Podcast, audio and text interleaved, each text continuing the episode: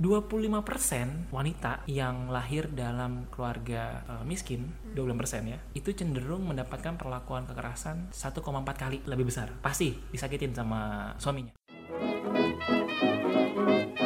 Pot Puan, beranikan keadilan, suarakan kebenaran. Jadilah tangguh tanpa mengeluh, meski berani tak melulu terapresiasi. Kekerasan dalam rumah tangga bukti konkret perempuan rawan ancaman.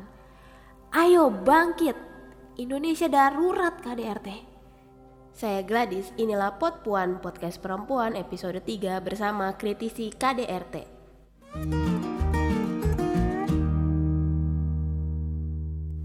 Episode ini akan membahas seputar pengaruh ekonomi terhadap tindakan KDRT. Hal ini dikarenakan data tahunan yang diperoleh dari Komnas Perempuan bahwa ekonomi masih dan selalu memiliki peran dalam kasus KDRT. Saat ini saya sedang bersama Bapak Brian Givan, pengamat ekonomi sekaligus dosen aktif di Universitas Bina Sarana Informatika. Selamat datang di Pot Puan, Pak. Iya, halo Kak Adis. Apa kabar nih Pak? Alhamdulillah baik, saya baik baik. Aman baik. dari corona Pak Depok. Iya, ya, Eh, enggak lah, semua terkena kan kalau corona juga Bapak ke mana-mana. aman ya? Saya mudah-mudahan aman, mudah-mudahan selalu dilindungi. Amin. Hmm. Oke Pak, saya penasaran banget nih Pak.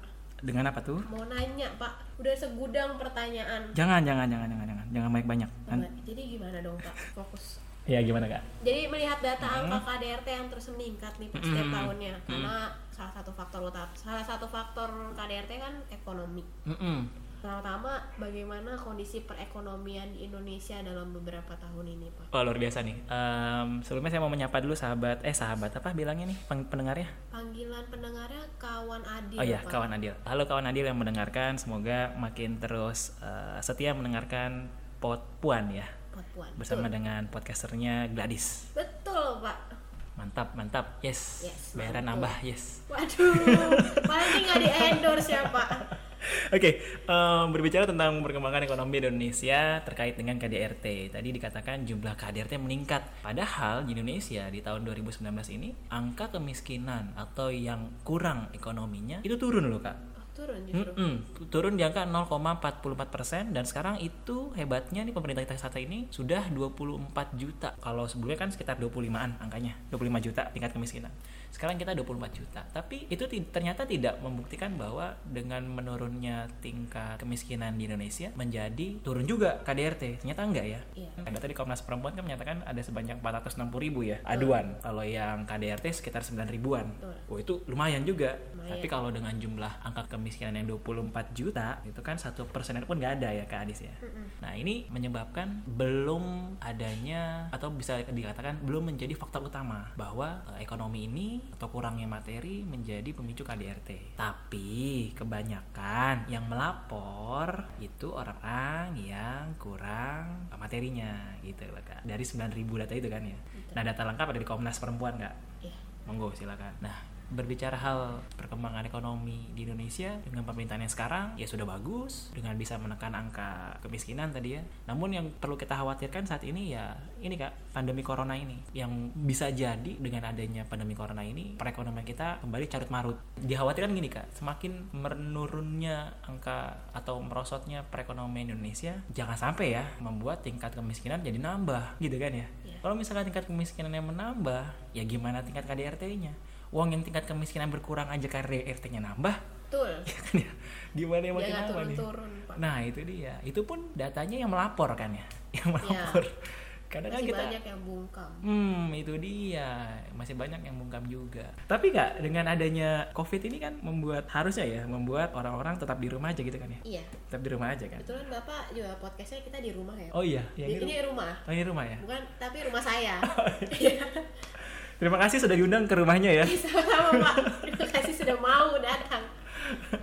Tapi gini kak, kalau misalkan eh, orang-orang sudah berada di rumah, asalkan ya kayak asalkan si kita ngomongin tadi KDRT lagi nih, balik ke KDRT, kita hubungkan dengan KDRT. Asalkan si kepala keluarga tadi pekerjaannya dijamin oleh perusahaannya gitu kan ya, oleh perusahaannya atau mungkin oleh negara lah. Kemungkinan tindak KDRT pun tidak terjadi selama dia terjamin faktor ekonominya ada. Kayak misalkan contohnya di Inggris. Di Inggris itu pemerintah menjamin 80% eh, tenaga kerjanya dibayar 80% misalnya gajinya 1 juta berarti dari negara 800 ribu. Nah kalau aja di Indonesia bisa seperti itu ya.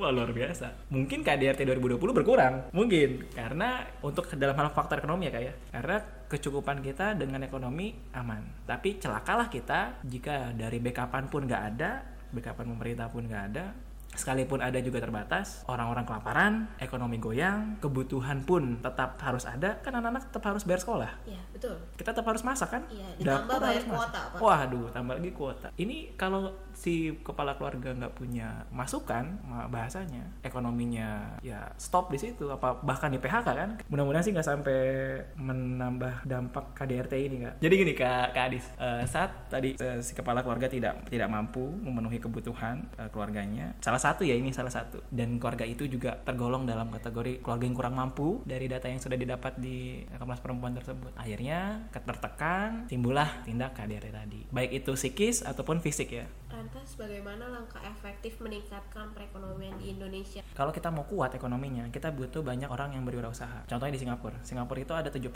warganya berwirausaha, jadi entrepreneur. Malaysia 6%, Thailand 5%. Bagaimana Indonesia? Indonesia saat ini 3,1% orang-orang yang menjadi entrepreneur gitu ya, berwirausaha. Walaupun sudah diambang batas standar internasional menyebutkan bahwa setiap negara itu minimal punya 2% yang menjadi entrepreneur. Tapi belum cukup untuk Indonesia. Masih adanya kesenjangan eh, sosial antara si kaya dan si miskin. Pemerintah harus bertindak cepat, ya, tanggap dalam hal apa? Mengajaklah masyarakat berwirausaha. Ya di sini juga menjadi peran bagi pemerintah untuk memberikan fasilitas. Fasilitas berupa sarana berkarya, sarana berkreasi sehingga mereka punya karya di situ. Mereka bisa memproduksi sesuatu di situ dan mereka menjembatani. Mereka ini pemerintah ya Ya. menjembatani si orang-orang yang ingin berwirausaha dengan orang-orang yang sudah berwirausaha dalam hal modal. Ya sebenarnya kan kalau misalkan kita ngomongin tentang wirausaha, modal ada kok usaha-usaha yang tidak perlu modal dengan cara relasi. Nah, cuma kita kan kurang relasi. Apalagi yang tadi disebutkan bahwa 24 juta orang tadi yang disebutkan golongan miskin punya relasi itu sulit. Yang punya relasi kan orang kaya. Betul. Banyak kan relasi orang-orang yang orang miskinnya justru malah dipekerjakan aja Nah iya udah yang dia kenal hanya teman-temannya aja, circle-nya aja. Ya. Semakin dia punya relasi, ya relasinya dia juga pasti. Kalau orang kaya relasinya pasti orang kaya semua kan. Semakin kaya lah usahanya. Nah inilah tantangan kita supaya orang miskin itu bisa berrelasi dengan orang kaya. Lanjut, Apa tuh? gimana cara atau upaya menjaga keseimbangan ekonomi dalam suatu rumah tangga? Kalau saya merasa orang-orang yang sudah berkeluarga sebelum dia berkeluarga harus ada yang namanya pematangan dulu atau pemantasan diri untuk berkeluarga. Se- Dengan cara? Nah orang-orang yang mau berkeluarga, eh, Kak Gladys sudah berkeluarga belum? Belum. Nah, kayak Kak Gladys nih, nggak jomblo kan tapi ya? Enggak dong. Wes, mantap.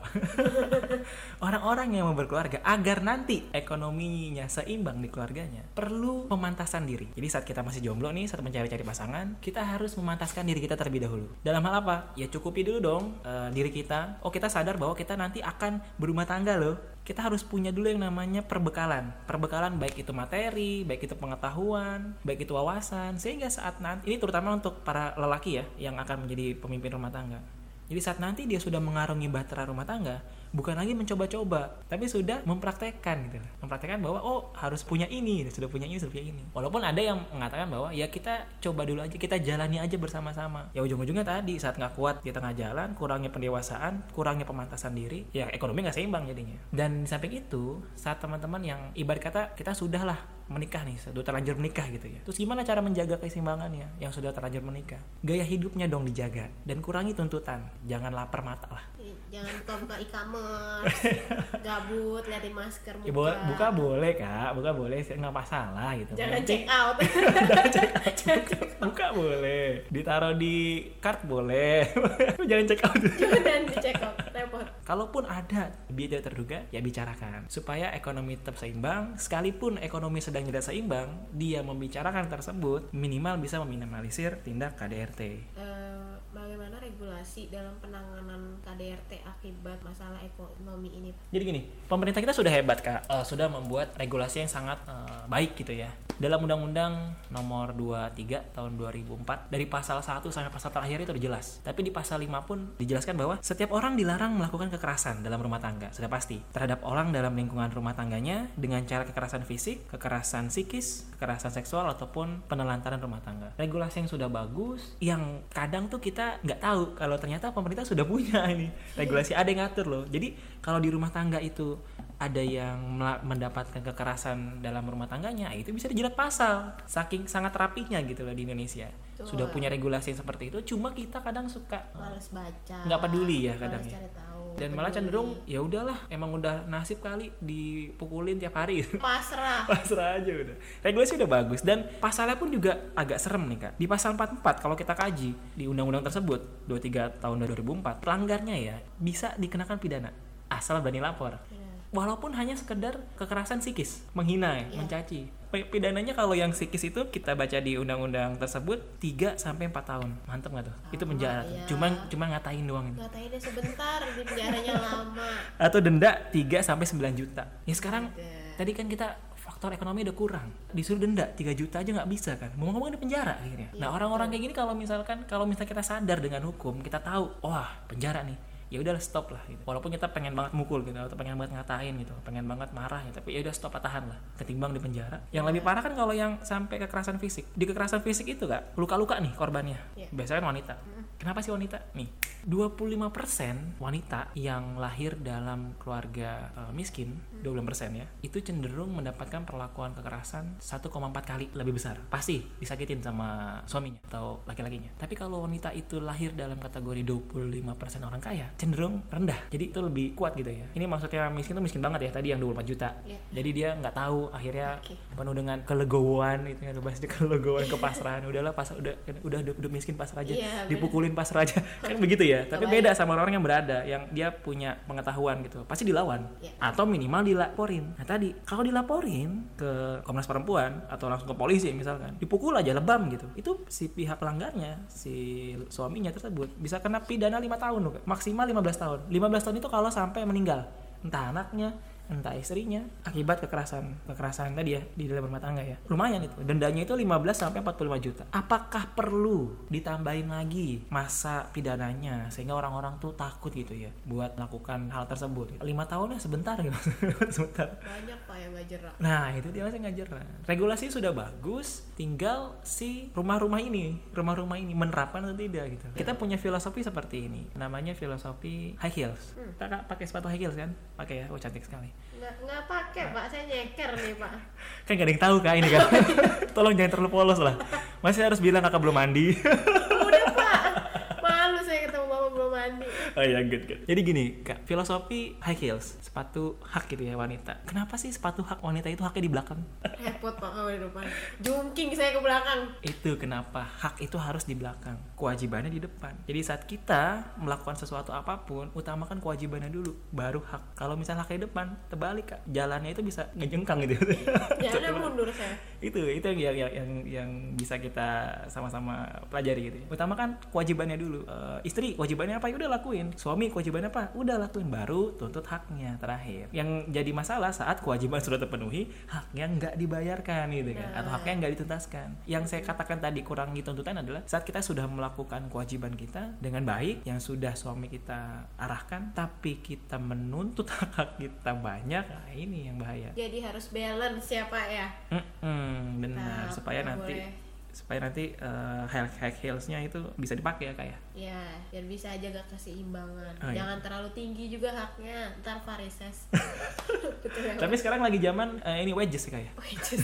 wedges bisnis Kalau- sepatu aja tapi kalau definisi wedges itu tadi kakak bilang keseimbangan antar hak sama kewajibannya sama jadi kalau wedges nyaman, Pak. oh gitu Bener. oh berarti antara kewajiban dan hak itu kalau sama itu lebih nyaman ya Benar. oh ilmu baru buat saya Em, terakhir, Pak. Loh, udah terakhir aja Saya kak terakhir nih. iya iya iya iya. Udah setengah jam. masa sih Di recordnya sih setengah jam, Pak. Nanti saya cutting sih. oh iya itu sih Paling jadi 15 menit. Perasaan tadi kita briefingnya dua jam Banyak kan tawa. ah. Ceria bener kita rekaman Oke oke oke. Ya gimana kak? podcast ceria ini Pak. Podcast ceria.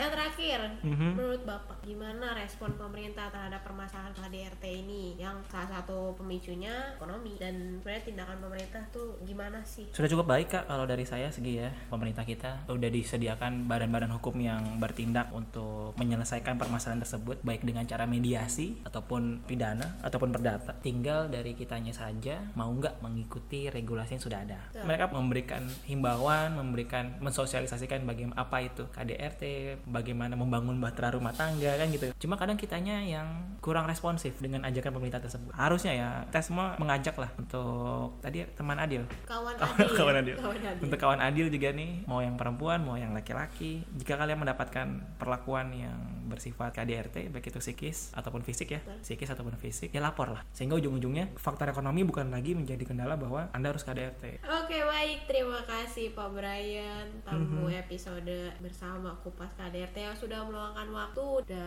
datang jauh-jauh dari Depok ya Pak. Ya terima kasih juga sudah diundang di acaranya Potpuan. Nih mudah-mudahan semakin banyak nih pendengarnya Potpuan. Eh, Amin. kawan adil pun semakin adil ya. Soalnya banyak Pak kasus-kasus yang terjadi yang menurut saya jadi ditelantarkan gitu. Lah ini kan gini loh, itu karena kita tuh terlalu menganggap adanya sistem patriarki, tahu patriarki? Betul. Nah itu saat saat eh, terlalu kuatnya sisi laki-laki membuat wanita tuh semakin tertindas ya bahasanya ya. Iya, betul. Nah jadi tadi di awal kalau misalkan kita tidak ingin mendapatkan KDRT saat kita belum menikah ya kita matangkan diri dulu, memantaskan diri kita pantas nggak buat dia. Kalau sudah patriarki ya udah habis lah itu wanitanya. Saat kita sudah matang tadi ya kak ya matang dalam hal ya menikah itu bukan berarti ya kita harus punya segala-galanya dulu. Minimal kita mantap dalam hal ilmunya. Itu yang menuntut wanita harus cerdas kan? Cerdas dalam memilih pasangan hidup. Jangan asal sama-sama suka atau sama-sama cinta aja kan ya. Iya Pak. Seperti itu. Nah, laki-laki nih, kalau buat laki-laki, ya tolong dijaga. Apa yang dijaga? Ilmunya, dompetnya, sama pikirannya. Betul. Kalau kita sudah menjaga ilmu, kita sudah mapan betul tuh dalam hal keilmuan kita. Bisa ngajarin istri kita gitu kan nantinya ya. Lalu dompetnya, ya kita bisa menafkahi istri, anak, segala macem. Sama tadi, jaga pagi kak, saya lupa. Ilmu pikiran. Pikiran ya. Saya ngomong, saya lupa. Tadi Sama agak pikirannya. serius. Emang ini canda ya. Canda, canda ekonomi ya. Canda ekonomi. Jadi jaga pikirannya, jangan sampai kita punya pikiran-pikiran yang eh, terlalu patriarki tadi kan. Terlalu, oh pokoknya saya berkuasa, ya nggak begitu juga. Ingat bahwa laki-laki diciptakan sebagai tulang punggung dan wanita diciptakan sebagai tulang rusuk. Iya, iya. Jadi laki-laki harus menopang wanita tersebut. Ya. Gitu. Oke ya. deh. Sekian ya Pak. Mhm. Mau tambahan lagi? Enggak. Capek. enggak juga sih. Ya diminum dulu lah. Oke baik baik baik. Wah enak banget ini kak. Mau warna apa Ini dalgona coffee-nya saya nggak bisa bikin nih. Bagus sekali ya di sini. Ada dalgona YouTube coffee. Pak. Iya iya, tetapi saya kan dalgona coffee itu katanya disuruh eh, diaduknya ya. Tapi kemarin Raisa nanya tuh kan, ini gimana sih cara bikin dalgona coffee Raisa? Raisa nggak tahu dalgona coffee. Itu kak dalgona coffee, eh, kopi dicampur apa eh, gula ya, Gula dikocok-kocok sampai lebaran kocok ya katanya. Oke ya siap siap siap. Oke, terima kasih. Ya. Makasih teman-teman kawan Adil. Saya Gladys pamit istirahat. Beranikan keadilan, suarakan kebenaran. Pot Puan, beranikan keadilan, suarakan kebenaran.